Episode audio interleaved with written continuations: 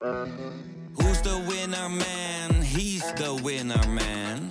Is hij miljonair? Geen idee, maar nou en. Je hebt geen jackpot nodig to be a winner man. Oh oké, dat is wel lekker man. Dit programma wordt mede mogelijk gemaakt door Toto.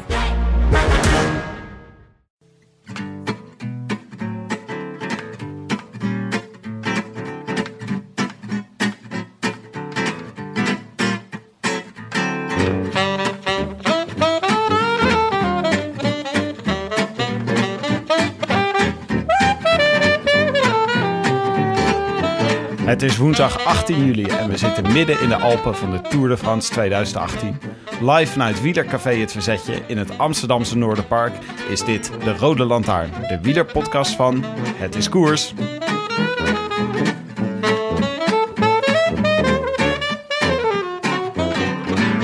Wat een rit jongens, hier doe je het toch voor. Tom Dumoulin in de aanval.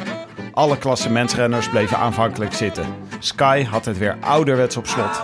De wattages optimaal afgesteld, zodat het voor niemand zinvol was om aan te vallen op de Alpenknoeperts als de Monté de Bizan of de Courmet de Roseland.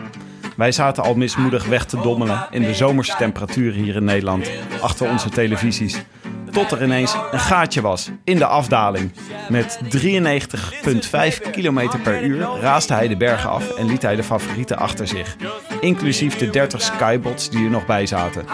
Dit was geweldig. Wat een aanval. Voor ons was Dumoulin de man van de dag. Oh, en moeten we nog zeggen dat er één iemand sterker was? Vooruit. Ook een premium klasbak. De etappezegen en de gele trui zijn voor Geraint Thomas. Zo deed hij dat ook in de Dauphiné. Een aantal dagen na één. Er een sprintje uitpersen. Dat hij eh, vlot mee eh, peddelde met de andere klimmers. En Daniel Martin, al dat werk voor Froome. Ja, uiteindelijk haakt hij dan af. Froome komt aansluiten. Duurde nog eens van achter ook zeker. Nog een Ja, goede nu, 400 nu, meter. nu, en nu nu. Nog eens killen en die kijkt de andere kant uit. En hier wordt niet even gerold. Thomas gaat de etappe winnen. En Thomas gaat nog eens de volle buit van de bonificaties meepakken. Het is inderdaad een herhaling van wat er in de Dauphiné gebeurde. Zij het met een eh, andere pion. Maar eh, Thomas heeft er wel een splijtende marage op zitten. En gaat hier wel de gele trui pakken. Wordt leider ook in het eh, klassement van deze ronde van Frankrijk.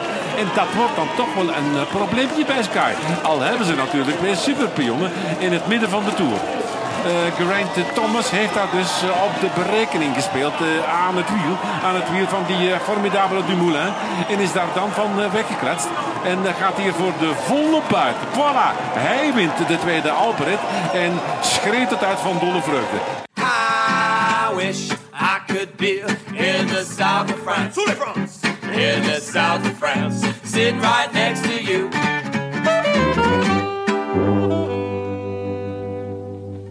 Tim, je bent terug uit Berlijn. Heerlijk, Hoe is, Willem. hoe is het om weer thuis te zijn?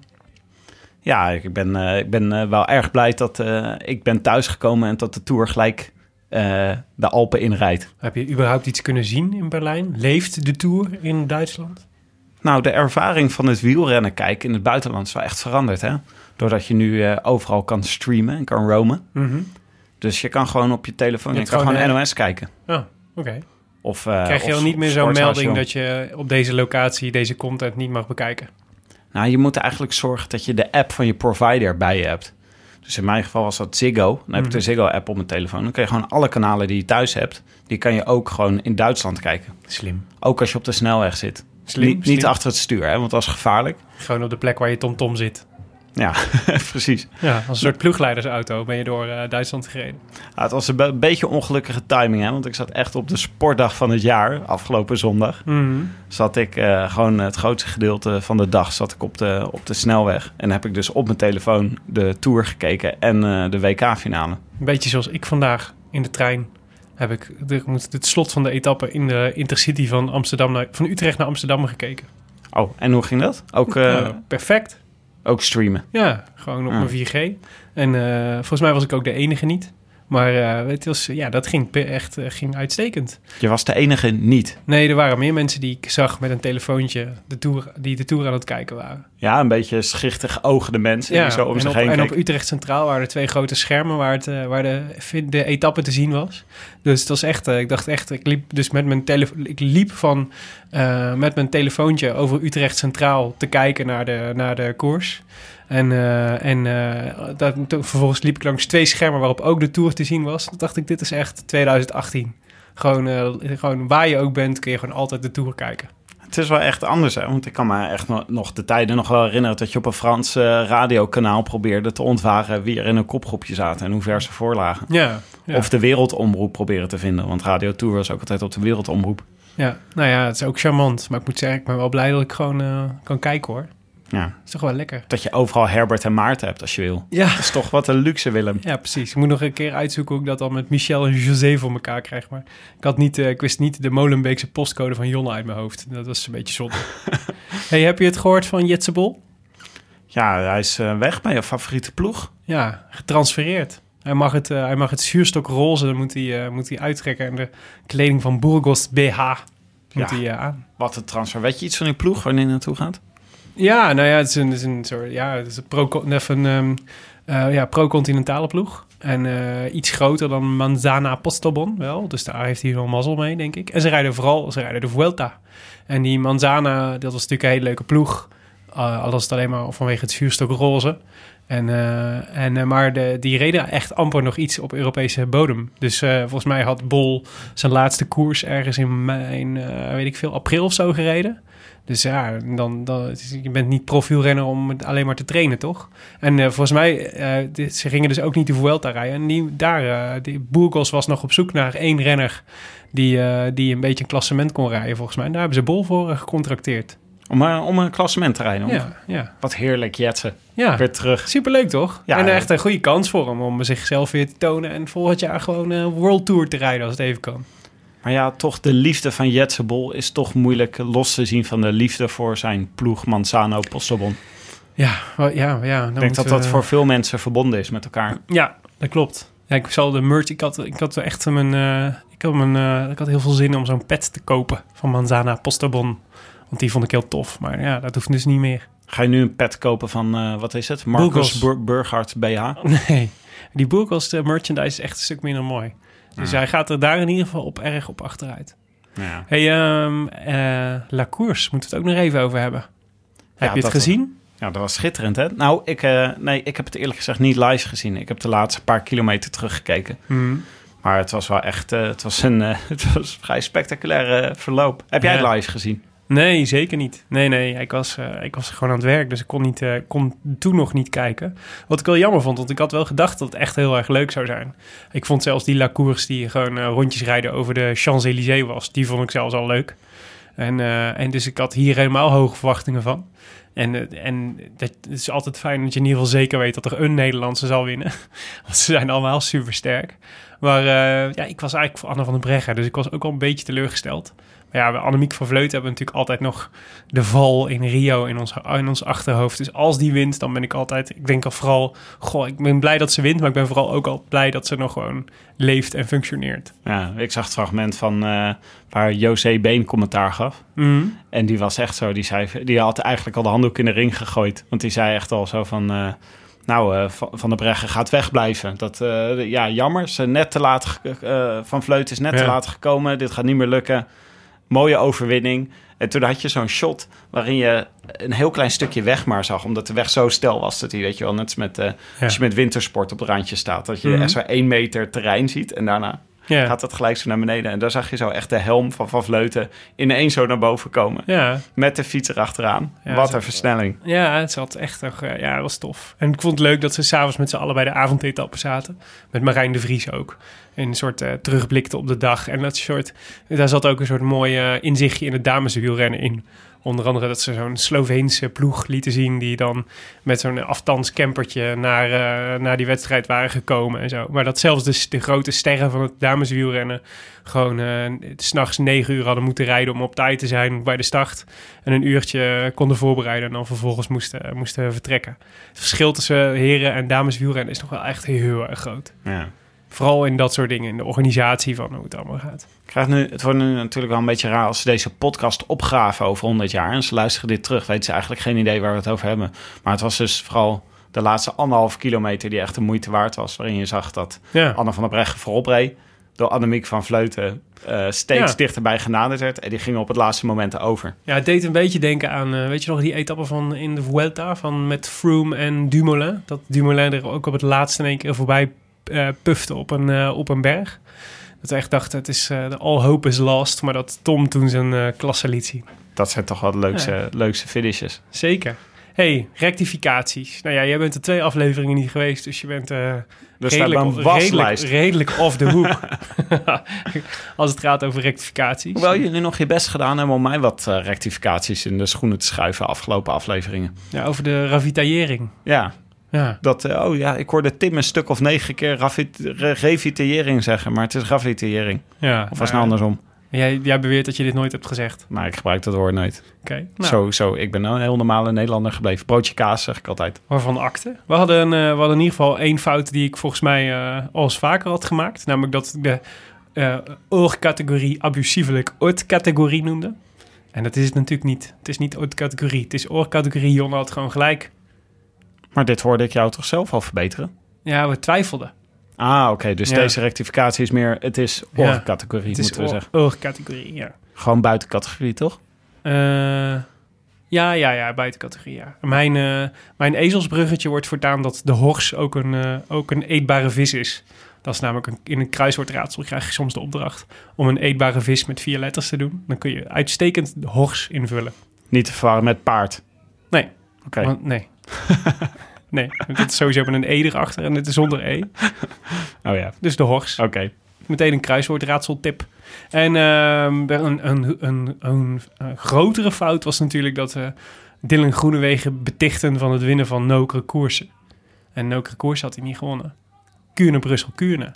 Dat had jij natuurlijk geweten, Tim. Ja, als ik hierbij was geweest, was dit nooit voorgekomen. Ik denk dat ik volgens mij in de tien minuten nadat deze podcast verscheen... minimaal vier WhatsAppjes, drie tweets en eh, vier Facebook-berichten heb gehad. tri- trigger happy luisteraars. Van, van- ja, super trigger happy luisteraars. Die ha- hadden zitten vloeken op de fiets terwijl ze, het, eh, terwijl ze ons de fout hoorden maken. Maar onder andere Andreas Willemsen en Jure van Hel en Henry Paulussen wezen ons erop. Ja. Ja. En- ja. en Dus Jacobsen won ook koersen en Dylan Groenewegen won Kuurne Brussel Kuurne. Jezus, wij zitten toch in onze sprinters. Wij zitten rijk in onze sprinters. Kijk, dat is dus wat Zeker. verwarring veroorzaakt. Als we gewoon één goede sprinter hadden gehad, dan hadden we het gewoon onthouden. Ten tijde van Jean-Paul van Poppel was dit niet gebeurd. Nee, dat denk ik niet. Nee. En ehm, Willem van Ewijk wees ons erop dat, eh, dat eh, Lance Armstrong eh, niet eh, Greenways eh, noemt. niet zegt niet Greenways voor Groenewegen, maar Green Path is de bijnaam van Armstrong voor Oh. Groenewegen. Dus bij deze. Klinkt als een minder goede vertaling eigenlijk. Ja, dat is ja, precies. Daarom, daarom had ik hem ook fout. Ja. En, ehm, en, en nog de laatste was dat ik Jos Kramer was vergeten. Die had namelijk ook John Degenkop goed voorspeld voor de kasseirit. En, eh, en die was, eh, was abusievelijk vergeten in de, in de, eh, de vorige voorspelbokaal uitslag. En de notaris heeft dan naar gekeken, nog een keer naar gekeken. Mm. De VAR erbij gehaald. Maar nee, de uitslag wordt niet herzien. Zo, dat worden weer veel declareerbare uren aan het einde van de maand bij de notaris. ja, ja, ik denk het ook. Maar ja, dat is, dat, zo gaat het soms. Je- Ik heb liever een rechtvaardig proces waar iedereen zeg maar, het gevoel heeft dat, dat, dat recht is gedaan, dan dat we er ons met een Jantje van Leiden van afmaken, Tim. Willem, ik bewonder op eh, de wijze waarop jij hier door het stof gaat met deze waslijst aan Vier, rectificaties. vier, wa- vier rectificaties. Ja, je, je steekt hier gewoon eh, de hand in eigen boezem. ja, En ik verdien- vind dat je een natje hebt verdiend. ik ook. Wat heb je voor me meegenomen, Tim? Uit Berlijn. Nou, we hebben natuurlijk weer... eh, nee, ik heb niks uit Berlijn meegenomen, want we hebben natuurlijk Oh. biertjes van Brouwerij de Molen. Hier uit de koelkast. Dat is Ja. dat is true. Ik had wel iets voor je mee mogen nemen hè, uit Berlijn voor Ja, jullie. Dat was leuk Het geweest. was een hint. Bijvoorbeeld een Jan Ulrich miniatuur fietsertje. Was daar, was daar sprake van, dat je die tegenkwam? Nee, dat is echt is totaal persona non grata in Duitsland. Oh. Dat is echt, die zijn natuurlijk heel erg eh, moralistisch. Die willen dat allemaal niet. Sorry, dan krijgen we weer rectificatie. Niet alle Duitsers zijn moralistisch. Nou, 95 procent. En de wielrenners? Ja. Vijf, toch? Nee, dat is niet correct. Het is 96% van de Duitsers zijn moralistisch. Maar Brouwerij de Molen dus. Daar Ja, we hebben een, eh, een, eh, natje van Brouwerij de Molen. En ik dacht voor vandaag Ja. Eh, we, we hebben dus een heel document hè, met, eh, met eh, uitleg van Brouwerij de Molen... waarom ze deze biertjes voor ons hebben gekozen. Mhm. Overigens, die je met ons mee kan drinken als je het bierpakket bestelt. Hè. Ja. Maar deze is de Yes en YOLO. En dat is toch een beetje om, om te vieren dat er vrolijke demarages te vieren. Nou, en dat mag je vandaag wel zeggen natuurlijk. Ja, Vrolijke demarages. Als er één iemand YOLO ging, dan was het wel onze Tom vandaag. oké. Dus daarom hebben we de Yes en YOLO. Ja. En de beschrijving is... Soms moet je het niet te ingewikkeld willen maken. Aanpakken en aan de boom schudden. Zeg maar wat Tom dus deed. Uh-huh. Eh, een makkelijk drinkbare, doch smaakvolle India Pil Lager. Perfect in de zon en bij onbezonnen en onbezorgde demarages. Yes en YOLO is een eenmalig gebrouwen bier. Nou, klinkt goed. Ja, dus, Ik zou eh, zeggen, maak hem maar open. En ehm, weet je toevallig ook wat, eh, wat eh, Dutch Darth Vader van, dit, eh, van deze Yes en YOLO vond? Nou, ik ging natuurlijk zoeken naar Dutch Dart Vader. Ik, dankjewel. Ik kon hem niet, ik kon hem niet vinden. Het enigma van ratebeer.com. Ja, er stonden een heleboel recensies bij dit biertje, maar niet, niks van Dutch Dart Vader. Kunnen we hem eindelijk op een Maar, omissie betrappen? godzijdank was zijn oom had wel een reactie achtergelaten, want ik zag Dutch Drebus. die zag ik, zag ik wel met een reactie. reactie. Ja? En die zei eh, eh, een mysterieuze top at Judy and Jorah's party at Van de Oorsprong. Clear orange golden color with a medium-sized white head. Smell sweet, hops, somewhat yeasty. Taste hops, malty sweet, medium body, nice carbo. I'm sorry, Joris. Opposites. Oké. Weet jij wat dit betekent? Want ik begrijp hier echt helemaal niks van. Nou eh, moet ik het vertalen voor? Het is, Is namelijk- Brabants? Het is Engels. Oh, is het Engels? Ja. Dankjewel. Onder andere Proost. Duran Thomas spreekt deze taal. Cheers. En eh, nou, die, de, ja, dit, het spreekt voor zich. Alleen dit tap at Judy at Ju- van de oorsprong is een eh, brouwerij slash bierproeflokaal in Oorschot, weet ik toevallig. En eh, dus ik vermoed... Brabant? In Brabant, Ja, ja. zie je wel. Daarom Dus ik, niet. dus ik vermoed dat, eh, dat Dutch Drebus op het feestje van Judy en Joris was... en daar eh, Yes en YOLO van de tap heeft gedronken. Misschien En hij moet- was er best over te spreken. ja. Ja. En daaronder misschien moeten we ook nog even Ice Dwarf meenemen. Ja, de IJsdwarf. Ik was al super onder de indruk. Overigens, Dutch Drebus heeft gewoon 7624 bierrecensies. Moet je nagaan. Als Ik je denk- dat allemaal drinkt, dan eh, heb je ook al een probleem, denk ik. Zou je, zou je, denk je dat je in je leven meer of minder dan 6724 biertjes hebt gedronken? Poeh. Zou, zou ik echt niet... Wat denk jij? Nou, ik, ik, ik zou het wel schokkend vinden als ik meer dan 6724 biertjes heb gedronken. Maar ik sluit het tegelijk ook niet uit. Als je ze opstapelt, heb je op de West ongeveer. Hemel. Ja, goed. IJsdwarf heeft er eh, maar een derde van, 2092.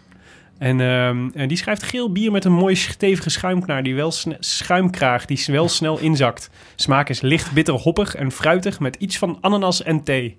Geel bier met een mooie stevige schuimkraag. Wat een dichter is Ice Dwarf. IJsdwarf is nu al mijn nieuwe favoriet. Dutch Darth Vader eh, is, heeft afgedaan. Als je dit al niet recenseert, als je hem zo met de pet naar gooit als bierrecensent, dan kun je het wat mij betreft vergeten. Oké, de Yes en YOLO. Eh, nog even voor de administratie. Eh, je kan dus bij Brouwerij De Molen, die eh, voorzien ons van biertjes. Die biertjes kan je meedrinken als je naar vanbieren.nl gaat. Dan voor 25 euro en geen verzendkosten krijgt het bierpakket ook thuis gestuurd. En dan kan je dus met ons meedrinken. Dat is hartstikke gezellig. Mijn schuimkraag stort in. Ja, dat, eh, dat, de, de schuimkraag die wel snel inzakt. Ja, daar had Ice Dwarf voor ons al voor gewaarschuwd. En wat gebeurt er? Waar we bij staan. Nou ja, wil je ook zo'n in- inzakkende schuimkraag, dan weet je waar je moet zijn. Van Dus- bieren.nl. Misschien hadden ze dit, eh, deze, dit biertje naar eh, Rigoberto Uran moeten noemen. Uran en YOLO. Een een inzakkende wielrenner. Hoe dan ook, het parcours. Wat de, de rit van vandaag, Tim. Het was, het was genieten. Het was ook heel kort. Ehm, want we gingen vandaag naar La Rosière, het ski res- resort La Rosière. Ehm, de rit vertrok vanuit Albertville en we gingen onder andere over de Montée de Bizanne, de Col du Pré en de Cormet de Roseland, zoals jij al zei.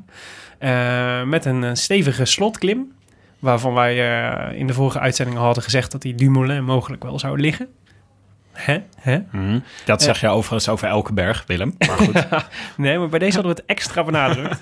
Eh, ja, hoe, hoe, eh, wanneer, eh, wanneer schakelde jij in? Heb je de hele etappe gekeken? Nou, ja, eigenlijk wel. Ja, ik heb, ja, ik heb bij de eerste minuten heb ik, ingescha heb ik ingeschakeld. Maar ja, zoals je weet, ik ben fulltime podcaster. Ja. En bij ons op de redactie is het natuurlijk wel een beetje verplicht om de hele dag eh wielrennen op te hebben staan. Mhm. Iedereen op kantoor die kijkt er ook naar. Dus we zijn daar de hele dag mee bezig. Oké. Maar wel een beetje, je bent wel een beetje zijdelings aan het werk hoor. Ja. Het was ook niet zo heel spectaculair. Ik had dus gehoopt dat het echt zo op het begin al losging. Ja. En dat Quintana op de eerste berg weg zou rijden. Nou, ik had, eh, ik had een beetje, dat had ik ook gehoopt. En ook omdat ik in het, in het routeboek, of nou ja, laat ik eerlijk zijn, toeretappe.nl, Oh, Willem. had gezien dat, het, eh, dat de eerste 2,5 kilometer meteen stevig bergop zouden gaan. En daar dacht ik, dat is natuurlijk echt super kloten. Als je, Ja. daar, als je helemaal nog koud bent, of relatief koud bent, en je moet meteen vol eh, omhoog. Maar dit viel echt heel erg tegen. Dus toeretappe.nl had mij wederom in de steek gelaten. Sagan ging wel gelijk eh, keihard rijden. Ja, maar die had, dat was geloof ik, na 7 kilometer lag een tussensprint. Ja. Van de eerste voor de groene trui. Die, die punten wilde die gewoon. Ja. Nou ja, het is altijd een feestje om Sagan te zien rijden. Maar Ja. ik vind het wel echt leuk etappes die je vanaf het begin kan zien. Mhm. We krijgen volgende week ook nog korte bergritten. Dat wordt echt fantastisch. Ja. ja, maar mijn, eh, mijn hart maakte natuurlijk meteen een sprongetje toen het, eh, toen het eenmaal losging. Want eh, het eerste, de eerste, in de eerste vlucht zat mijn eh voorspelbokaal Caruso al. Ja. Toen dacht ik, dit kan toch, Dit wordt hem. kan, dit wordt hem. Het kan niet meer mis, eigenlijk. Nou ja, het was wel mooi, het kopgroepje. Er zaten echt allemaal verplichte nummertjes in die kopgroep. Mhm. Eh, Dani Navarro, die is vandaag jarig. Dus natuurlijk moest hij in de kopgroep. Covidis had bovendien, niemand wist nog dat Covidis meedeed aan deze tour. Dus die moesten wel. Ehm, nou, wie zit er natuurlijk nog meer bij? Barguil, Mhm. die moet natuurlijk mee. Ala Philippe, Voor, de Eh, voor de bolletjes. voor de bolletjes. Eh, wie hadden we nog meer? Soler Ja, zat in een kopgroep. Krach Andersen, zou belangrijk worden later. Ehm Moi- Moinard, Rudy Moinard. Rudy Moinard. Het was eigenlijk het eh, bekende beeld vanaf het, eh, vanaf het eh, begin. Ondanks dat het eh, zo hard van start ging, zeg maar, met, eh, zo moeilijk van start ging. Ja. We hadden namelijk een kopgroep met daarachter Skies die tempo bepaalde. Mhm. En eh, ja, het was heerlijk rustgevend. Je krijgt enorm veel gedaan. We hebben de laatste jaren natuurlijk heel veel over Sky gepraat. Ja. Ik heb ook het gevoel dat er echt heel veel Skies meedoen aan de Tour dit jaar. Heb jij dat ja, ook? 30 zei je in de inleiding. Ja, volgens mij zijn het er 30. Ja, ja. Die indruk krijg ik wel altijd. Ja, ja dus, het, het, hoeveel het, de, het aantal deelnemers in de ploegen is teruggedrongen. Maar het lijkt wel of dat alle, alle renners van die ploegen die nu niet mee zijn, allemaal bij Sky zijn gaan fietsen. Is dat, is dat zo? Hebben ze allemaal één renner in moeten leveren om aan Sky te geven? Ja, ja, ja. Dat, had, dat zat er aan te komen. Vandaar dat ze met zoveel zijn. Maar, het Maar- is, je zit, in de loop van de jaren zit je zoveel naar Sky te kijken... dat in- inmiddels opvalt eh, wie de eerste berg moet doen... en wie dan de tweede berg moet doen... en wie voor de derde week be- bewaard wordt. Eh Poels die laat hem nu ook elke keer gewoon waaien... als hij, als hij even zijn kuiten begint te voelen. Ja. Want die is gewoon helemaal voor de derde week wordt hij gespaard. ja, eigenlijk altijd inmiddels toch? Voor de derde week wordt hij gespaard. Maar het is wel interessant, zo'n groepje vind ik altijd. Omdat je, er zitten, je ziet meteen de verschillende belangen. Hè? Dus Sagan die ging echt overduidelijk voor het groen. Oh, wacht, we hebben het, je hebt het over de kopgroep nu. Ja, precies. Ja, Philippe en Barguil die gaan dan voor, eh, die hadden, die moesten, waren duidelijk op pad voor de bolletjestrui. Maar je ziet dan ook in zo'n groep, dan heb je de renners die voor dagsucces gaan. Maar het is ook altijd wel interessant om te kijken wie de ploegen meesturen die, eh, die mogelijk iets van plan zijn. Dus bij, eh, bij ehm, in deze kopgroep, eh, Krach Andersen, dat was natuurlijk de vooruitgeschoven post voor Dumoulin van Sunweb. Soler voor, voor Quintana en Valverde en zo. En dan kun je eigenlijk al door in die kopgroep te kijken, kun je in ieder geval al zien welke renners of welke ploegen zijn iets van plan. Of hebben iets, hebben iets up their sleeve voor deze etappe. Eh, en dat kwam ook uit. Dus was wel, het was, het, het was eigenlijk vro- vroeg werd daar, werd daar al beslist van hoe de etappes mogelijk zou gaan verlopen. Misschien zit er wel nog een heleboel andere kanten aan renners vooruit sturen. Bijvoorbeeld moet het lulletje van de groep altijd vooruit. En die zit dan, weet je wel, keihard werken en dan gebeurt er niks achter hem. Ja, Ten Dam vertelde dat hij eh, voor... eh, niet, dat, niet dat ik van het bruggetje van Lulletje naar Ten Dam maken. maar die vertelde in de podcast dat hij eh, opgestookt was door Sinkeldam en Terpstra laatst... om een keer te demareren tijdens die, die hele saaie lange etappe. ja, Was hij daarvoor? net zo lang gek gemaakt totdat hij wel... Totdat, totdat hij het gevoel had dat hij er niet meer onderuit kwam... om gewoon daadwerkelijk te demareren. Vond ik Ja. wel mooi. Misschien was, eh, is Valverde dat vandaag overkomen. Dat hij het lulletje was. Nee, dat hij gewoon net zo lang opgestookt was. Je bent supergoed. Je bent super oud, maar supergoed. Je Ja, moet. Dat hij toen ging. Ja, ja, nee, ja, dat was mooi natuurlijk. Een mooie, een mooie aanval. In ieder geval eentje waarvan eh, we dachten, er gebeurt in ieder geval iets. Een favoriet, mijn grote favoriet zelfs. Die probeert gewoon, om, eh, die probeert gewoon hier de, de, de, boel, de boel te laten ontploffen. Ja, we zagen Valverde gaan op de ene laatste berg. Ja, En eh, in zijn eentje. Het was ook zo'n demarage, zo, ook zo een lullig gezicht eigenlijk. Dan gaat hij zo vol bravoure gaat hij weg en niemand reageert. Want die Skytrain blijft gewoon lekker doorrijden. En al die anderen zitten achter een zonnebril en een helmen verstopt. ja. Ja ik, had- ik vermoed dat hij wel had gehoopt dat hij iemand mee had gekregen. Ja, maar, maar goed, dat- daar heb je dus... eh, ja. Dat moest gebeuren, toch, Ja. op dat moment? Want ik dacht ook van, ja, dat gaat Valverde... Dat gaat natuurlijk niet de hele dag eh, in zijn eentje rijden. Maar Nee, had- nou bijvoorbeeld... het was een serieuze aanval geweest. Als Bardet was meegegaan of Nibali of, eh, Of Dumoulin. of Dumoulin. Ja, nee, klopt. Dat, dat was een beetje verbazingwekkend. Maar daarvan zag je weer meteen wel dat het, dat het dus interessant en relevant is dat Soler in de kopgroep zat. Want die liet zich meteen uitzakken. Eh, en eh, om, eh, om Valverde te kunnen helpen. Ja, maar het was op dit moment... Ik denk dat iedereen die zat te kijken dacht... Wow, Valverde gaat. En tegelijkertijd een beetje teleurgesteld was. Omdat ja, het, als je een echte... Als je, Valverde die ging op het moment dat er nog zes eh, voorop zaten. Nou ja, daar heb je gewoon eh, daar heb je helemaal niks aan. Want het is, gaat hij niet in je eentje winnen van zes skies. En dan moet hij de andere ploegen moeten meewerken. Die moeten gewoon mensen meesturen. Nou, Dumoulin werd er gisteren om gevraagd. Hè? Dus die, was, eh, die had gisteren... ehm, was natuurlijk ook al een bergrit. En die, werd, die zei van... eh, ik werd, kreeg van de verslaggever kreeg de vraag van... eh, is het, eh, heeft het dan zin als er zoveel... Als die skyrenners met z'n allen voorop rijden... Heeft het dan zin om te gaan demareren? Dan zegt hij... Dumoulin zei gewoon... Ja, ik zou wel willen, maar het is gewoon zelfmoord als je dat doet. Want er hebben nog zoveel mensen die je kunnen, die je kunnen terughalen. Dus dat slaat eigenlijk nergens op om dat te doen. Dus is eigenlijk je enige optie om te blijven zitten in het, eh, in het peloton. Tenzij je het natuurlijk met meerdere mensen tegelijk doet. Dus misschien was de fout van Valverde eh, wel dat hij niet, eh, dat hij niet, met een, niet een bondje had gesloten met Nibali van tevoren bijvoorbeeld. Van we gaan samen of met z'n tweeën. Ja. Of ehm, eh, we, we nemen nog iemand mee. Dat had zomaar gekund. Of er is nog een alternatief te bedenken. Misschien heeft Valverde zelf het gevoel dat hij helemaal niet zo goed is. En dat is ook vaak met dit soort demarages, een soort alles of niets demarages. Ja, dat had dat ze dan ineens gaan en eh, op een raar moment. Ja. Ik dacht ook dat het toen met Froome en de Giro, dat dat ook het moment was waarop hij gewoon Ja. echt niet meer wist. Ja, ik had, ja, ik had, van de, ja, ik had niet het idee dat het bij Valverde dat dat de, de verklaring was. Ik denk daadwerkelijk dat hij dacht van ik zou hier, eh, ik moet hier eh, de lont in het kruidvat gaan steken als ik wil winnen. En, eh, en dat heeft hij geprobeerd. Hij heeft er natuurlijk later wel de prijs voor betaald. Dus eigenlijk de theorie van Dumoulin is... eh, dus als, als eh, die had, zeg maar, met zijn... van wat hij gisteren zei, was de actie van Valverde vandaag zelfmoord. Ja, dat is het gebleken. Ja, maar we hadden het, we hadden het op dat moment hadden wij even contact met elkaar. En iemand, had op, iemand had gezegd van ja, als, als, je Sky, als je iets tegen dit Sky wil doen, dan zal het van Movistar moeten komen. Ja. En die zullen gewoon eh, vroeg moeten gaan. Mhm. En dan met veel geweld moeten gaan om gelijk die knechten, zeg maar, op te leggen. De, eh, hoe Ja. heet het, um, Kwiatkowski's en zo afrijden. Ja, precies. Proberen om Thomas en Froome zo snel mogelijk te isoleren. Ja, wij hoopten ook nog een beetje op Bahrein. Ja, die, vond, die vond ik eigenlijk de logische kandidaat. Omdat bij, eh, bij Mobistar heb je natuurlijk het probleem dat je drie kopmannen hebt, eigenlijk. En dus maar eh, in totaal nog maar vier mensen die iets kunnen doen... waarvan Soler eigenlijk de enige is die bergop heel hard kan rijden.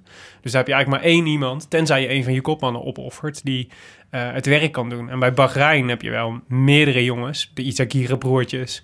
eh Pozzo Vivo, die in dienst van Nibali rijden... en ook echt zichzelf kapot kunnen rijden op een berg. Maar- Ja, dan nog is het... Dat, daar hoop je natuurlijk op dat, zij, dat ze hun krachten inzetten om Sky te slopen...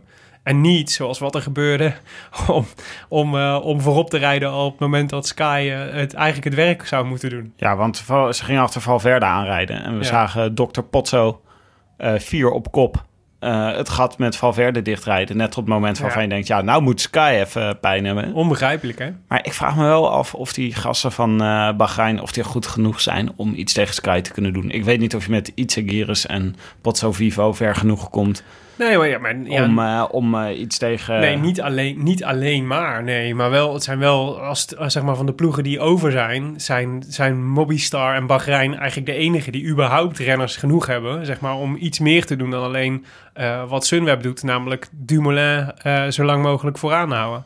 En, en, eh, en dus, dus hoop je dat ze samenspannen of samenwerken tegen, tegen Sky. Maar niemand doet dat ooit. Maar we- weet je, weet je welke ploeg er nog meer rondrijdt die een paar hele goede klimmers heeft?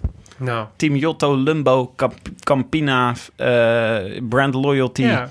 Die hebben, er, die hebben er drie hele goede klimmers, waarvan twee mensen beschermde status hebben. Dus waarvan één iemand iets kan, iets kan doen. Anton Tolhoek. Ja, of Robert Geesink. Ja, oh ja, ja, sorry, die vergeet ik. Geesink. ja, Ja, nou, maar die zitten ja dat is toch... waar, daar heb je gelijk in. Ze staan inmiddels eh, boven ja, Movistar in het eh, ploegenklassement. Als ik Dumoulin was, dan zou ik zeker even gaan praten bij eh, Lotto Jumbo, ja. Want ik denk dat er echt nog wel kansen komen voor, eh, voor Lotto Jumbo. Ook bijvoorbeeld om de etappe te winnen met, etappe te winnen met Roglic of met Kruiswijk. Eh, en als je als, je, als eh, Dumoulin daar een bijdrage aan kan leveren in ruil voor dat ze af en toe een beetje werk doen voor, voor Sun, wat Sunweb zelf niet kan.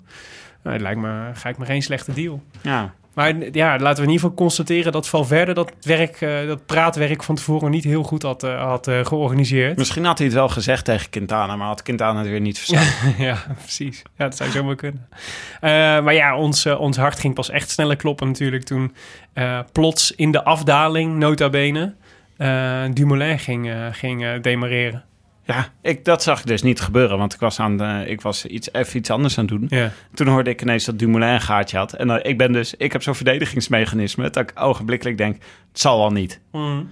Dus weet je wel, dit is too good to be true.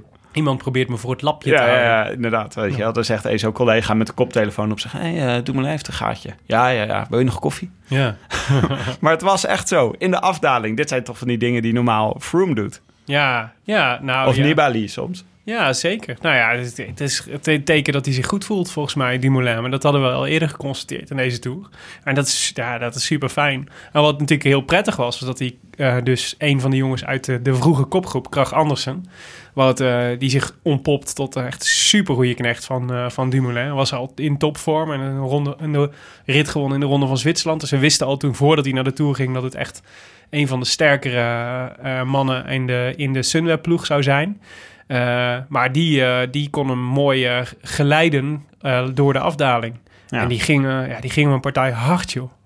93,5 km per uur. Ja, dat is echt, dat is echt onvoorstelbaar hard. Volgens mij had Dumoulin tegen hem gezegd... Ga, maar even wat, ga maar even wat lawaai maken in de afdaling. Ja.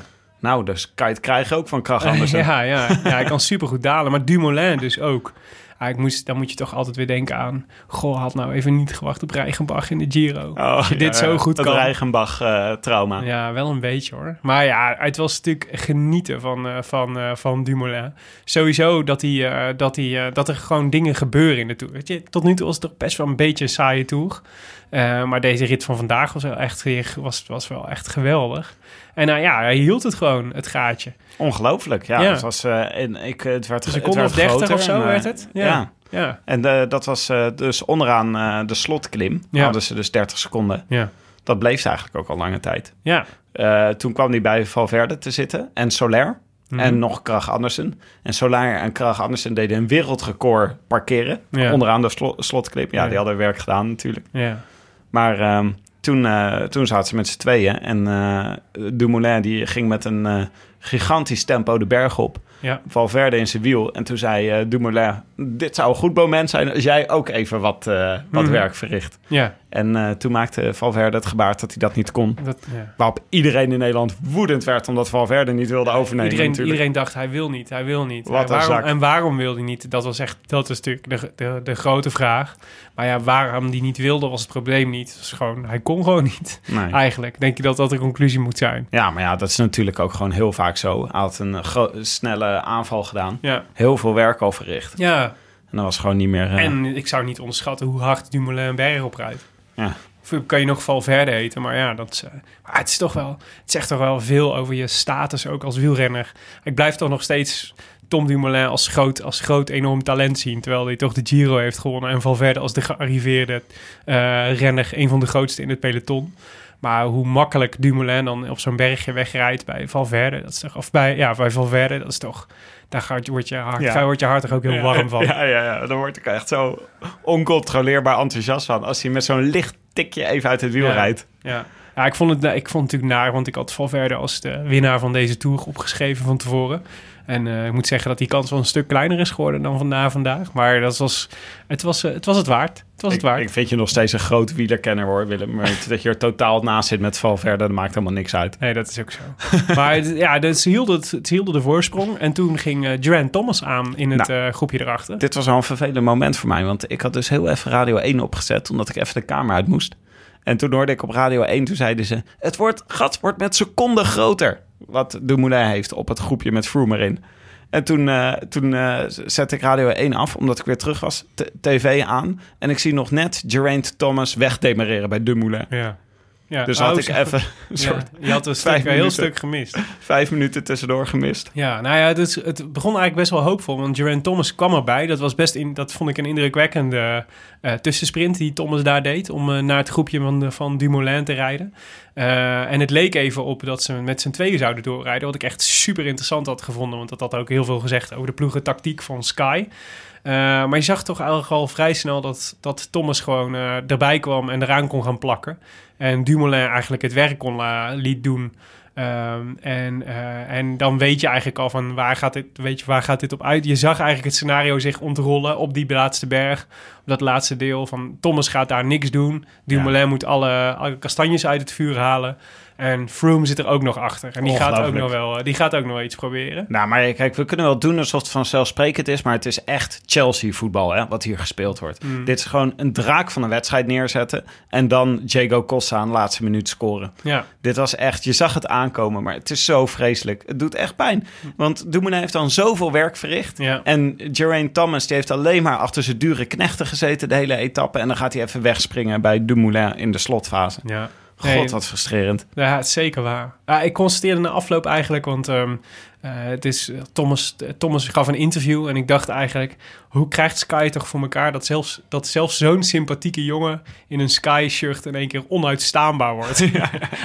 Inderdaad. Maar ja, goed, ja, hij deed natuurlijk eigenlijk alles goed, hè, Thomas. Het is gewoon de ijzeren wet van het wielrennen. Eerst eh, andermans bordje leeg eten en daarna aan dat van jezelf beginnen. Ja. Ja, het was eigenlijk natuurlijk echt een les in efficiency. Maar het is ook wel weer dat je constateert... Goh, Dumoulin zit daar wel echt... Die moet alles alleen doen, de hele tijd. Het is echt, eh, het is echt eh, Tom tegen het soepie. De hele, Ja, maar dat is niet helemaal eerlijk, hè? Want Krach Andersen die heeft echt gezorgd dat hij Ja. dat gat maakte. Ja, oké. Nou ja, dat Dus is waar. dat is, eh, maar dan, dan laten we zo zeggen... In de, dat, is, dat is uitstekend gebruik gemaakt van de, van de kwaliteiten die je wel hebt in je ploeg. Maar je moet wel constateren dat het gewoon... Het is gewoon echt te weinig. Wat, Ja. wat, je, je, als je niet oppast, zeg maar, dat, dat is, dus, dus het kan. Hè? Dus Tom du, Dumoulin is zo goed dat hij ook eh, in zijn eentje wedstrijden zou kunnen winnen. Maar als je niet oppast, ga je gewoon wel, denk ik... Als je, niet in een, als je niet je ploeg versterkt, ga je wel heel veel kansen missen.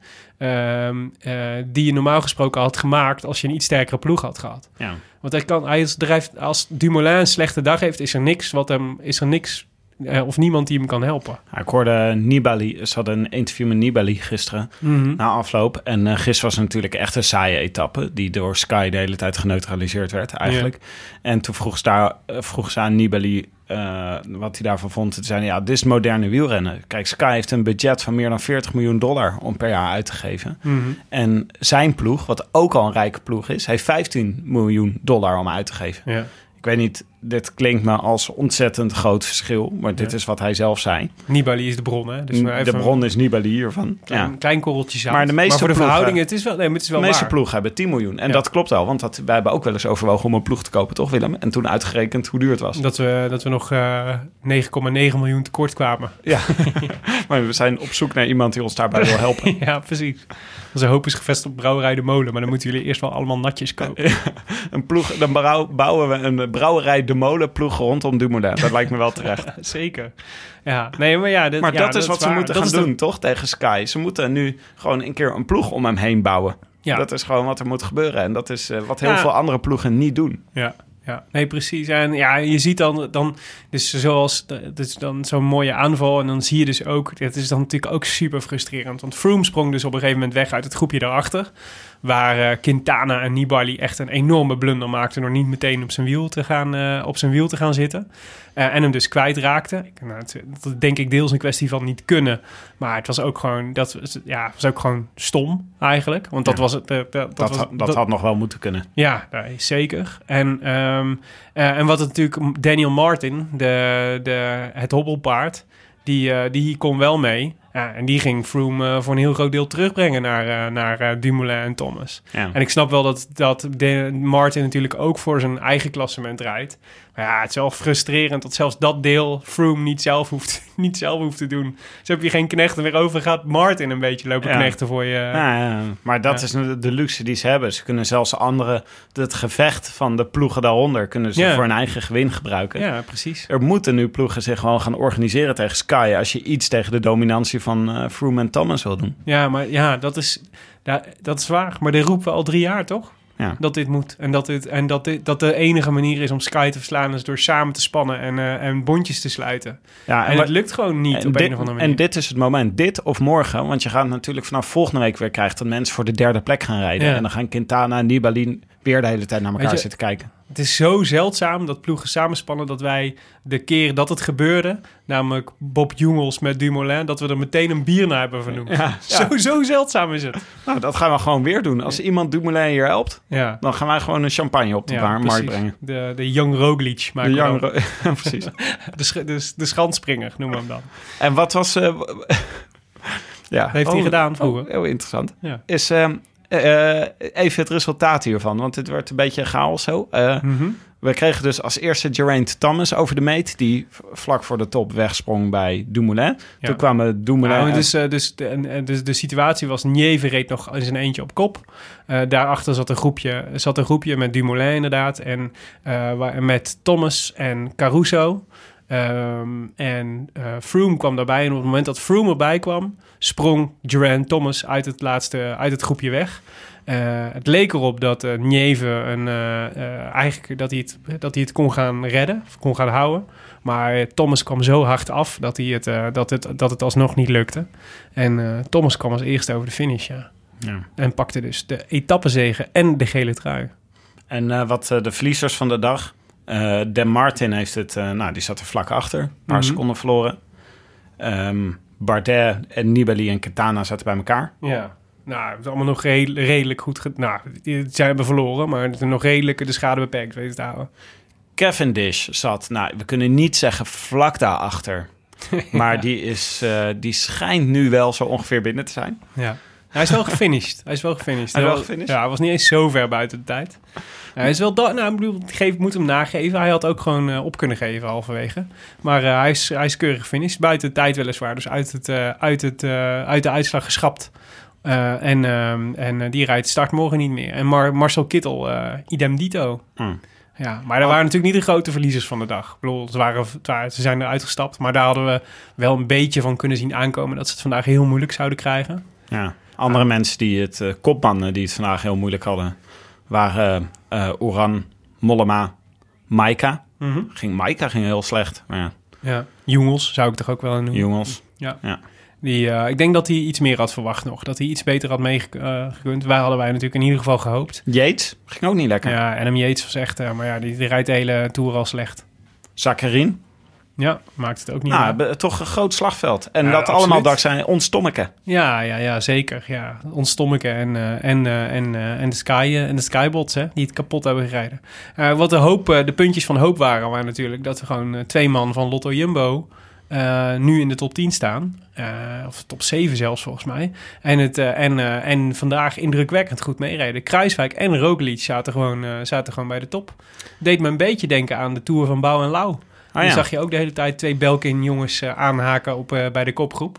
Helaas een beetje in de schaduw van Dumoulin dit keer. En niet een eigen shine. Nee, nou ja, het is wat ik zei. Het is een kwestie van een bondje sluiten. En die shine kan zomaar een keer op jou, eh, op jou vallen. Voor je het weet heb je een champagne. Ja, maar het is toch, ik bedoel, eh, even Een props, jong kleerhanger. props voor eh, Lotto Jumbo. Want ze staan inmiddels boven Mo- Mobistar in het, eh, in het eh, Mhm, ja. Wat best wel knap is. Risico is wel een beetje dat eh eh, Kruiswijk en Roglic op deze manier de Leipheimer en eh Ja. Maar- Cadel Evans van deze Tour gaan worden. Ja, ja, dat risico is er zeker. Maar ik bedoel, hey, laten we even het positief bekijken. Lotto Jumbo staat nu op twee ritoverwinningen. Heeft twee man eh, in, de, in de top 7 van het klassement. Ik wil nu weten wat, hoeveel ze staan ook trouwens. Vijf en zes. Ja, dat is dus super knap. Heeft ze, hebben, ze, hebben ze staan. En ze hebben nog eh, ze hebben Tolhoek, die eh, eigenlijk zijn doorbraak beleeft deze Tour.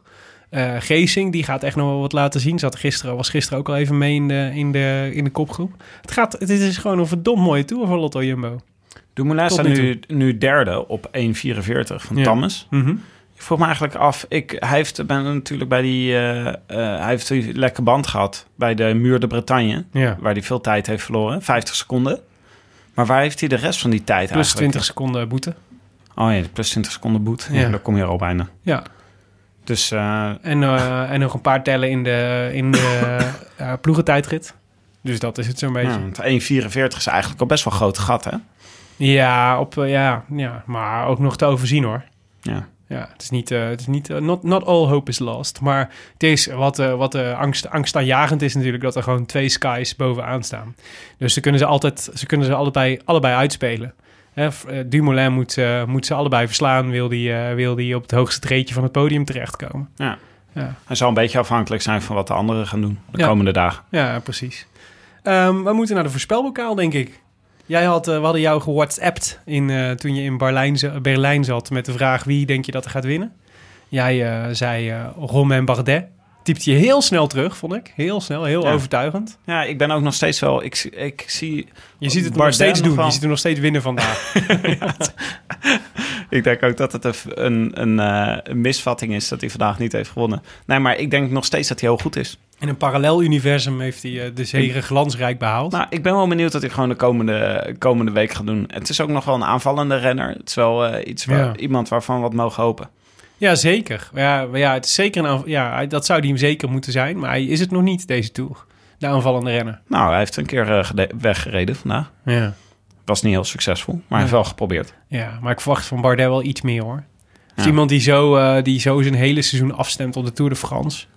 moet toch niet alleen maar een beetje volgen en gewoon avontuur maken. Leuke dingen doen. Hoe is het met jou? eh, Scheid hebben, acties maken, zou El Giro Elia zeggen. is zo. Dat vind ik een belangrijk levensmotto. De Algero Elia doctrine. Ja. Jonne had Valverde. Nou, dat, die eh, was, even, was even goed onderweg, maar daarna plofte het eh, vrij helaas. Jammer, ook voor mijn, voor mijn voorspelbokaal XL. waarvan we, waarvan we ehm, Richie Poort al bij Jonne hadden moeten schrappen. En mijn eh, Valverde dus nu ook eh, kans, redelijk kansloos lijkt. Wie had jij ook alweer op één staan? Bardet. Nee, voor de eindoverwinning. Froome. Gadverdamme, Tim. Ja. Ja. Jullie, dit is Jullie ook- hadden allebei Froome helemaal niet op het podium. Dus ik ben benieuwd hoe dat eh, zich gaat ontvouwen. Ik hoor buiten een haan drie keer kraaien. dus, dus altijd jezelf indekken. Maar eh, ik had Caruso. Eh, en daar, want eh, ik twijfelde tussen, tussen Caruso en Dumoulin. Ah, ik moet eerlijk zeggen, Caruso werd vandaag vierde. Ja, dat was wel, eh, dat ik was wel, ik was, ben de hele etappe heb ik, heb ik hoop gehouden. Dat, Ja. ik, dat hij het zou gaan doen. Zeker Willem. Jij twijfelde tussen Caruso en Dumoulin. Ik twijfelde over Geraint Thomas, maar ik zat er niet bij. Hè, dus ik kon niet vertellen. maar daar eh, twijfelde ik ten zeerste over. Caruso, hij deed het gewoon goed. Ik had er ook nog een beetje geld opgezet, dus ik was eh, dubbel teleurgesteld dat hij het niet, uiteindelijk niet redde. Maar eh, het werd dus Geraint Thomas en er waren meerdere mensen die dat goed hadden. Vijf, om precies te zijn. En ze hebben alle vijf schitterende namen, wederom. En ik heb ze wederom niet verzonnen. Peter Slump, Chris Kwartel, Anthony van Hiefte, Gaston Bouvry en Jip Freriks. Ja, klinkt als eh, professoren van Hogwarts. Ja, wel een beetje. Ehm, eh, ik, ik probeer nu ook een Harry Potter referentie te maken, maar ik moet dan meteen bekennen dat ik Harry Potter nooit gelezen heb. Komt dat ik geen kind van zes ben, Tim. Wacht maar tot, jou, eh, tot jouw kinderen oud genoeg zijn, Willem. Oh, ik ben ze- vast van plan om Dan ga je Harry, deze, Harry Potter dan ga je deze lezen. gezure grapjes terugnemen. Dat is waar. Vreselijke muggel. Oké, tot welke dispuut, of hoe heet dat dan bij, eh, Dispuut. bij, bij Harry Potter? Hetzelfde dispuut als de Isagiris zitten ze. Dis, dispuut uilenbal van... De eh, Isagiris. Ja. Nee, Nee, het ik- eh, de- klinkt als uh, zwadderig namen. Zwadderig, oké. Ehm Zwadderig-lid Gaston Bouvry, die eh, wint, eh, wint de voorspelbokaal. Heeft de notaris besloten. En dus wint Gaston een boek uit het Wielerfonds van Atlas Contact. En de mogelijkheid om iemand de groetjes te doen in de volgende uitzending. Nou denk ik, dat is echt de ultieme prijs die je kunt krijgen natuurlijk. Want dat was, eh, nou, we hebben het vorige aflevering met Barry Robel wel gezien. Hoe gelukkig het een mens kan maken als jou de groetjes wordt gedaan door een Ja. goede vriend. Eh, Mhm. hè, voor het oog van de natie. En, eh, maar de vorige winnaar, Martijn Willem Wolfs... die eh, mogelijk van een ander dispuut van Harry Potter was. Hoe heet dat ook weer van dat slechte, dit, die, van die slechte Dat was jongens? zwadderig, Willem. Oh, oké. Dus die is van Ravenkla- Ravenklauw. Van Ravenklauw, ja, die, die voelde zich daar te goed voor... en heeft dat dus niet gedaan. Ja. Hadden we dan toch maar voor Dirk Bocht Duist Ik gekozen. vind het erg ik cynisch van je, Willem. Misschien heeft hij wel niemand om de groetjes aan te doen. Dan had hij ons de groetjes kunnen doen. Je hebt altijd iemand om de groetjes te doen. Je kunt altijd ons de groetjes doen. Als je erover twijfelt, dan kan dat. Dus, Dus mocht voel je, niet onzeker. Dat is maar wat je wil zeggen. nee, je mag altijd onze groetjes doen. Dat is goed. Luister.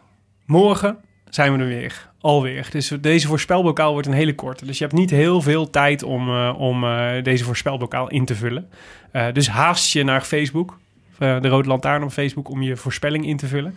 Morgen gaan we van Bourg-Saint-Maurice naar Alpe d'Huez. En dat is natuurlijk echt eh, de, his- de historische, prachtige rit. 175,5 kilometer. Eh, f- nou ja, met eigenlijk een aantal, ja, drie legendarische namen. De Col de la Madeleine, de Col de la Croix de Fer en uiteindelijk de Alpe d'Huez. Met, met 21 haarspeldbochten. Bocht 7, de Nederlandse bocht. en ik zag bocht 10, de Ierse bocht. Die bestaat dus ook. Waar? Ja, daar verheugde. Dan Martin. Verheugde- Guinness. Dan, Dan Martin verheugde zich op de Ierse bocht. Ja. En eh, dus, eh, dus daar moeten we ook even in de gaten houden. Maar ehm, de, ja, de hamvraag is natuurlijk eh, voor de voorspelbokaal. Maar wat een schitterende etappe morgen. Ik hoop zo erg. Dit moet gewoon een Nederlander gaan winnen. Het, het is gewoon de Alpe d'Huez is de Nederlandse berg. Dan moeten Nederlanders in ieder geval een poging wagen. Geesink, als je dit niet doet, dan ben ik morgen, dan, dan ga ik uit protest, ga ik mijn natje niet opdrinken. Oké. Nou, jij zegt Geesink vanmorgen? Nee, nee. Ik ja, nee. Proberen. Ik zei proberen, Willem. ja. ja, ik wil dat je het probeert en ik ga niet mijn natje opdrinken, maar ik heb er geen vertrouwen in. dat is Hier eigenlijk je wat je wil doen. zeggen. Hier moet je het mee doen. Ja, Oké. Nee, ik schrijf Froome op. Ik denk dat... Kukeleku. Ik kan me niet de hele tijd voor Judas uitbaken, Willem. Nee, ik schrijf Froome op, want ik denk dus dat er een... eh, dat, eh, dit, er is natuurlijk hartstikke concurrentie tussen eh, Geraint Thomas en Froome. Ja. Ook omdat Geraint Thomas ging wegspringen toen Froome zich vandaag net aansloot bij het groepje. Ja, dat, was lullig. En Froome, eh, Froome is een ego, die kan er niet tegen. Dus die gaat alles op alles zetten om morgen een vernietigende, over, vernietigende slag uit te delen Mhm. aan iedereen. Maar eh, oké, dus dat, ja, een vernietigende slag voorspel jij zelfs. Een vernietigende slag. Froome. Een, Eclatant. Een, een, alles, een alles verwoestende moker. Ja. Wauw. Oké. Nou, Hij gaat niet echt, binnenste buiten keren. vind ik niet echt iets om naar uit te kijken. Dwars door die Ierse bocht vliegen. Weet je? Jonne, jij zit hier ook aan tafel. Je hebt je tot nu toe keurig eh, ingehouden. Het zal moeilijk zijn na de afgelopen twee afleveringen, waarin je heel veel mocht praten. Ja, het was afzien. nee hoor, ik heb, ik heb De genoten. die- haren, de haren uit je hoofd getrokken. Ja, alles wat je hier hebt de, de ene rare theorie komt voorbij. eh, en, eh, ja, nee, het is genieten. Ja, het is kwestie, kwestie van je nagels, in, nagels in de bank zetten hè, en gewoon inhouden. Hey, luister, wie gaat er morgen winnen? Omar Freile. Oké, dat zeg je met veel overtuiging. Ja, Waarom? omdat hij heel hard gaat fietsen. Oké. Dit, gaat klinkt als de Astana-ploegrijder die morgen met zijn, eh, met zijn motivational speech morgen in de bus. Ja, die is, eh, doe je best. Oh, maar morgen eh, heel hard fietsen. Ja, zo hard mogelijk. Zo hard mogelijk naar boven. Zo hard mogelijk beginnen. En dan eh, zo hard mogelijk volhouden. En dan zo hard mogelijk over de streep. En proberen te zorgen dat niemand je inhaalt. Ja, In en als, als iemand je toch inhaalt, nog harder gaan. Harder fietsen. Ja. Ja. dat is belangrijk. Eh, dus ja, dat is mijn eh, voorspelling. nou, dit kan eigenlijk niet meer mis, zou ik zeggen. Nee, toch? Nee. Eh, snel en simpel. Jij? Ik heb dus wederom gekozen voor de wetenschappelijke benadering. Want die bracht mij met, die bracht mij met ehm, eh, Caruso namelijk heel dicht bij de overwinning. Maar ik dacht, I, I need to take, step it up a notch. Want met de Strava-voorspellingen, de Strava-data, het, het, het brengt je zo ver, maar niet tot over de finishlijn. Eh, dat was helaas het geval bij Caruso. Dus heb ik gekeken naar... Ik ben begonnen bij te kijken naar de Strava-segmenten van Alpe d'Huez. Want eh, dat is natuurlijk waar het beslist gaat worden. Toen kwam ik de naam David Gaudu tegen. En eh, dat is een klein, klein klimmertje. Het is de lichtste man van het peloton. Hij weegt 53 kilo. 53 kilo! Weet je hoe weinig dat is? Want hij is namelijk 1,73. En dan is 53 kilo, denk ik dat je ongeveer een BMI van 2 hebt. Wat, eh, wat ongeveer zeg maar eh 70 keer anorexia is. En, eh, maar David, dat maakt hem wel uitermate geschikt om een berg op te, op te gaan klimmen. Maar ik dacht, die Strava-segment is niet goed genoeg. Dus ik heb ook zijn horoscoop van morgen er even bij gepakt. Want eh, David Gaudu is namelijk eh, is een, eh, is een weegschaal. Hè? Jongens, ik ben ook een weegschaal. En Jonne is ook weegschaal? weegschaal. Dan heb ik heel goed nieuws voor jullie, jongens. Want jullie horoscoop voor morgen ziet er ontzettend goed uit. Tim, Jonne en David Gaudu gaan morgen een geweldige dag tegemoet. Ik zal jullie namelijk vertellen... eh, het is geen wonder dat jullie in een goed humeur zijn. Jullie zouden je zelfs kunnen afvragen wat er gaande is. Want de sterren hebben een zeer sterk en positief effect op jullie. Maak er dus goed gebruik van en geniet van jullie dag. Jeetje, wat een druk. Ik voel ineens een ontzettende druk om morgen Ja. te presteren. Ja, ja jij, jij Jonne en. David Gaudu moeten morgen hun kans grijpen. Want beter dan dit wordt het nooit meer. De, sterke hebben, de sterren hebben een zeer sterk en positief effect op jullie. Mm. Dus eh, David Gaudu is mijn, eh, is mijn eh, voorspelling. Het kan, bijna, het kan bijna niet mis. Waterdicht, Willem.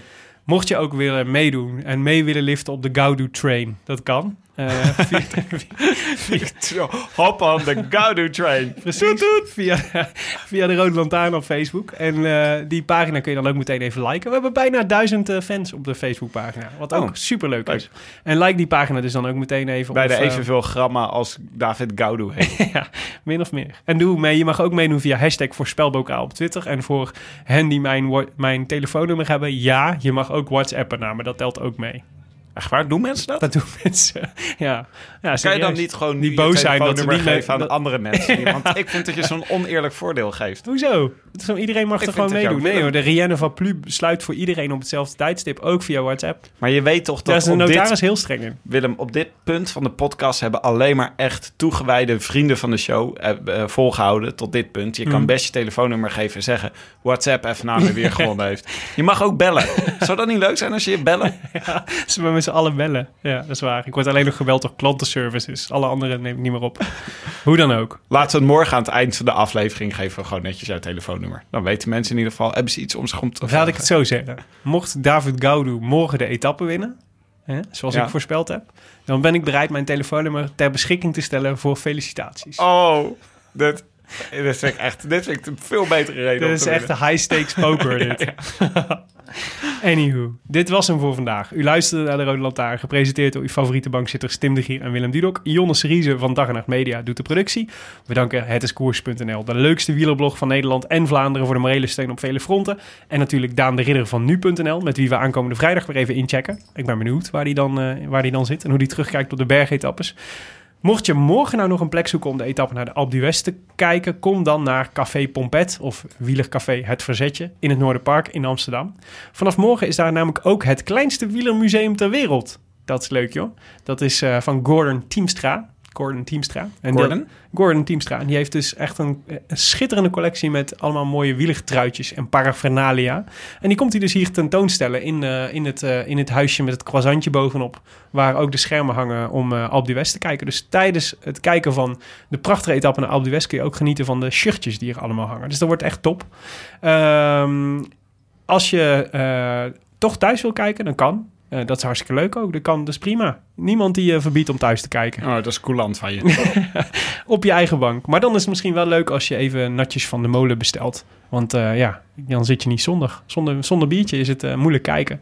Als je die nou voor 12 uur s middags bestelt, dan heb je ze de volgende dag nog in huis. Waar moet je die bestellen dan, Willem?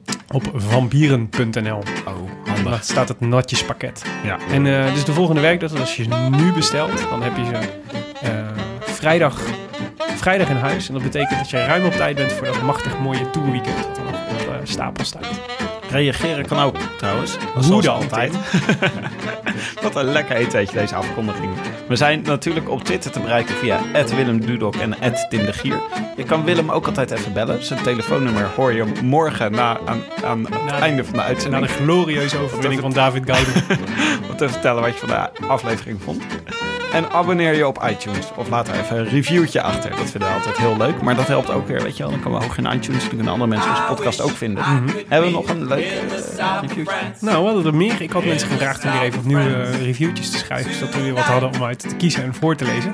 Eh, en dat, die, dat werd onder andere opgevolgd door Pim van der Burg. Die ons vijf sterren gaf. En dit, met als titel van de recensie was een rode wc-eend. En schreef, mannen, de titel mag wat misleidend zijn. Ik geef onvolprezen podcast de welverdiende vijf sterren die jullie verdienen. Er zijn natuurlijk altijd veel dingen aan te merken, maar dat is helemaal niet erg. De rectificaties zijn immers een leuk onderdeel van de show. Maar Tim, Jonne, Willem, kom op. Die voorgelezen reviews zijn toch nergens voor nodig? Dat hebben jullie helemaal niet nodig, joh. Mochten jullie dit ook voorlezen, weet, ik dan dat ik, weet dan dat ik het al heb doorgespoeld. Verder niks dan liefde. A biento vanuit Ivoorkust. Wat? Die laatste. wat een ontwikkeling. De laatste zin. Ja, mijn emoties gaan overal. Ja, dat is echt ongelooflijk. Ivoorkust, echt vet.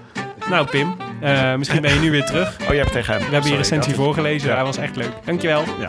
Ehm, voor de leukste recensie van deze tour hebben we trouwens ook een mooi boek beschikbaar. Dus Pim, misschien eh, hè, maak je daar ook nog kans op. Maar daar ga ik niet over. Dat is aan de notaris. Ja. Ehm, wij zijn er morgen weer. En dan hebben we een speciale gast. Hè? Nienke de Jong. Ja. Elk jaar te gast bij ons. Altijd de best beluisterde uitzending. ja, Het paradepaardje van de show, mag ik wel zeggen. zeker. Vriendin van de show dekt de lading al niet meer. Nee, nee, nee, paradepaardje. Paradepaardje van de show. En eh Nienke die... We gaan eh, ook met de rond paraderen hier over het terras van Pompet. ja, wij hebben Kijk eens wie onze vriendin is, zeggen we dan tegen iedereen. Nou, eerlijk is eerlijk Willem. Het tegendeel is waar. We proberen altijd snel overheen te stappen. Omdat het toch altijd een beetje pijnlijk is voor ons. Dat die uitzending alweer de best beluisterde uitzending is. Ja, iedereen is dol op Nienke. Ja. Mijn, mijn ome Kees vraagt altijd wanneer er weer een uitzending met Nienke komt. Ja, mijn, eh, mijn vader, Kees, die vraagt het ook vaak. Echt? Ja, dat is Misschien is het een grappig. Kees dingetje. Kees en Nienkes. Ehm, sitting in a tree. Ehm, die staat er... Ja, ik probeer er maar een romantisch twistje aan te geven. We zullen het eens voorleggen morgen aan Nienke, wat dat toch is met haar en Kezen. Hoe dan ook. Die aflevering staat hopelijk morgenavond ook alweer in je feed. Eh, fijne avond voor nu. Tot morgen. We hebben er zin in. Op die West, bocht 7 en bocht 10. Gaan we opletten. Eh, en tot dan. Dus, See you on the Gaudi train. see you on the Gaudi train. De Gaudu train. De Gaudu train. De Gaudi train is een andere trein. Als je van gekke architectuur houdt. A biento. A biento. I wish I could be in the south of France. In the south of France. Sitting right